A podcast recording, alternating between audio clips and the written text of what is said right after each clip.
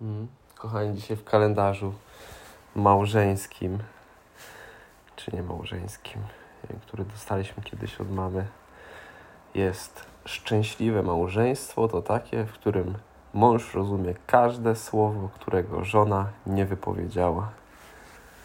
Powiedział to, czy powiedziała? Alfred Hitchcock. A, powiedział.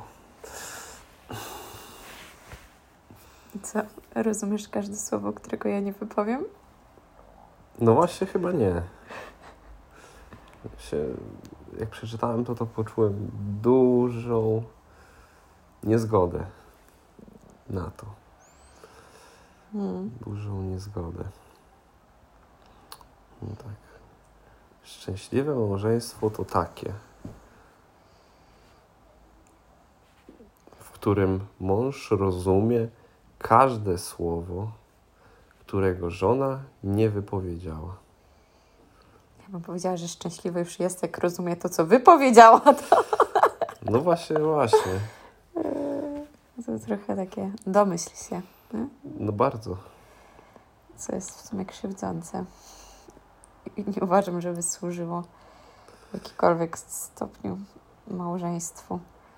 Może później faktycznie jesteśmy bardziej wrażliwi już na swoje potrzeby, wiedząc e, na czym komu zależy, ale, ale żebyśmy byli w stanie rozumieć siebie poprzez to, czego nie wypowiemy. Może jesteśmy, mamy za mały staż, żeby to zrozumieć. Może napisał to po 50 latach małżeństwa, że żona nie musiała do niego nic mówić, on wszystko rozumie. Nie, dla mnie się wydaje, że to, to, to jest takie bardzo polaryzujące i trochę mocno oceniające i pewnie większość, wydaje mi się, szczególnie kobiet, które to przeczyta, e, no jednak poczuje, że nie są szczęśliwym małżeństwem.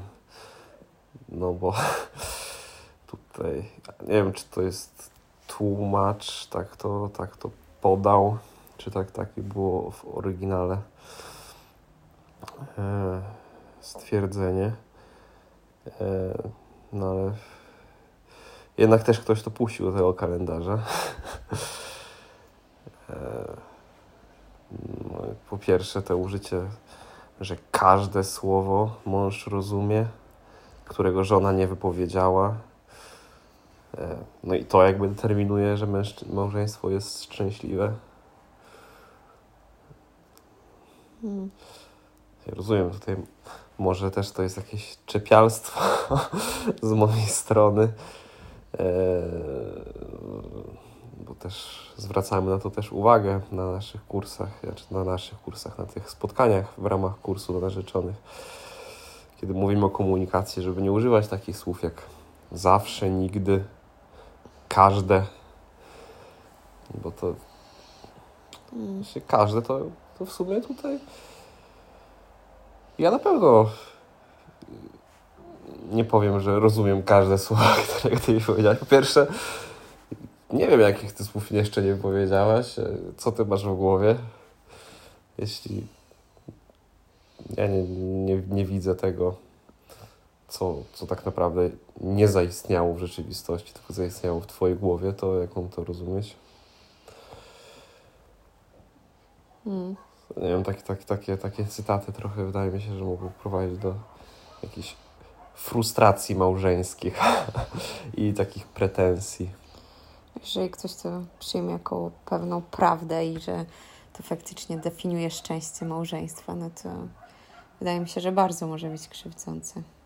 Wiesz co, ja też bym nie chciała, żebyś ty się domyślał, no bo, no bo jakby, znaczy pewnie czasami jakieś potrzeby, fajnie by było, ale, ale kurczę, no jesteś człowiekiem, a nie jakimś duchem świętym, który siedzi w mojej głowie i wie wszystko, no, no nie. No to też takie jest bardzo zamykające, jeżeli będziemy w takich oczekiwaniach żyć, czy tak jak mówisz, że jak ktoś sobie to weźmie jako pewien wyznacznik, taki cytat, no to faktycznie może to prowadzić do wielu frustracji, a oprócz tego ktoś może wcześniej był w jakimś dysonansie i nie był pewien, czy może oczekiwać od męża, żeby się domyślał na przykład, Mm. czy rozumiał, to teraz już po takich słowach mówi: Nie no, jakiś mądry człowiek to powiedział, no to chyba mogę, nawet powinnam. No więc mm, też bym się z tym nie zgadzała i jakoś może, może w nas jest często pokusa o to, że och, żeby on się domyślił, że ja bym tak dzisiaj chciała, żeby on mi powiedział, pewno jesteś tak zmęczona, kochanie, i bolą cię plecy, może ja ci wymasuję plecy.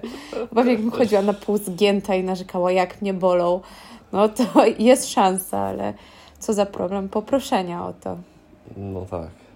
i wypowiedzenia tych słów i jeżeli druga osoba właśnie, z którą budujemy małżeństwo, jest otwarta na nasze potrzeby, a, a to uważam, że to jest jedna ze wskazówek e, szczęśliwego małżeństwa, bycia otwartemu na swoje wzajemne potrzeby i, i, i starania się w miarę naszych możliwości je zapewniać wzajemnie, no to to prowadzi do szczęścia właśnie takie, jeżeli wypowiemy to i druga osoba jest w stanie przyjąć nasze uczucia, nasze potrzeby, no to uważam, że to jest szczęśliwe małżeństwo.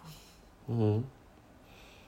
Też właśnie to bym tak podsumował, że to można zmienić, że szczęśliwe małżeństwo to takie, w którym każdy z współmałżonków wypowiada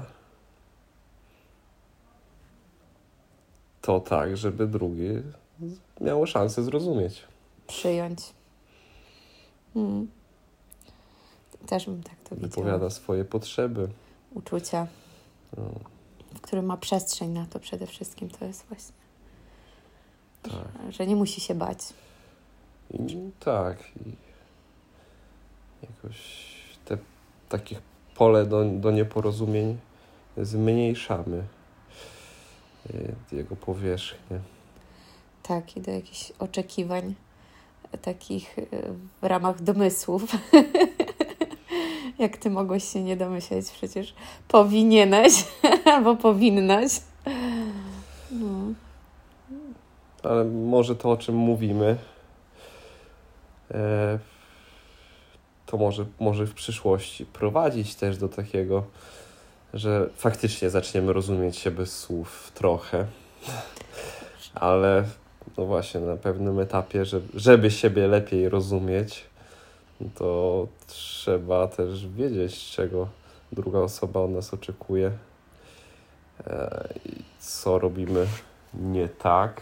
No ale też jakby z, tutaj czy sami jesteśmy też często szczęśliwi z tymi oczekiwaniami, bo może jeśli powiemy żonie, że, że no nie wiem, no my, my widzimy daną sprawę inaczej, to też żona z jakimś pewnym po pewnym czasie też zrozumie, że hmm, może to nie to, że nie może oczekiwać, ale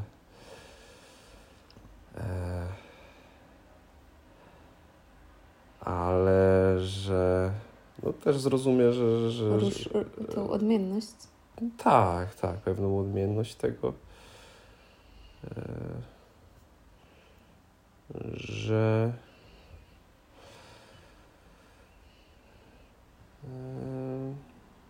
że jakby czego, czego innego może oczekiwać od męża, co innego jakby, o co, innego powinna zadbać sama i co może nie jest jakimś takim hmm, papierkiem lakmusowym ich relacji albo też czymś krytycznym, tak, że nie to, że, że, że żona, powiedzmy, no właśnie te, te, to co powiedziałeś, te, te pomasowanie pleców, no to e, faktycznie mąż może się nie domyślić, no ale może dlatego, że, że nie wiem, za, zapewniał przez cały dzień rodzinie mm, nie wiem, byt pracując, coś robiąc w domu i już na koniec dnia po prostu nie ma głowy do tego.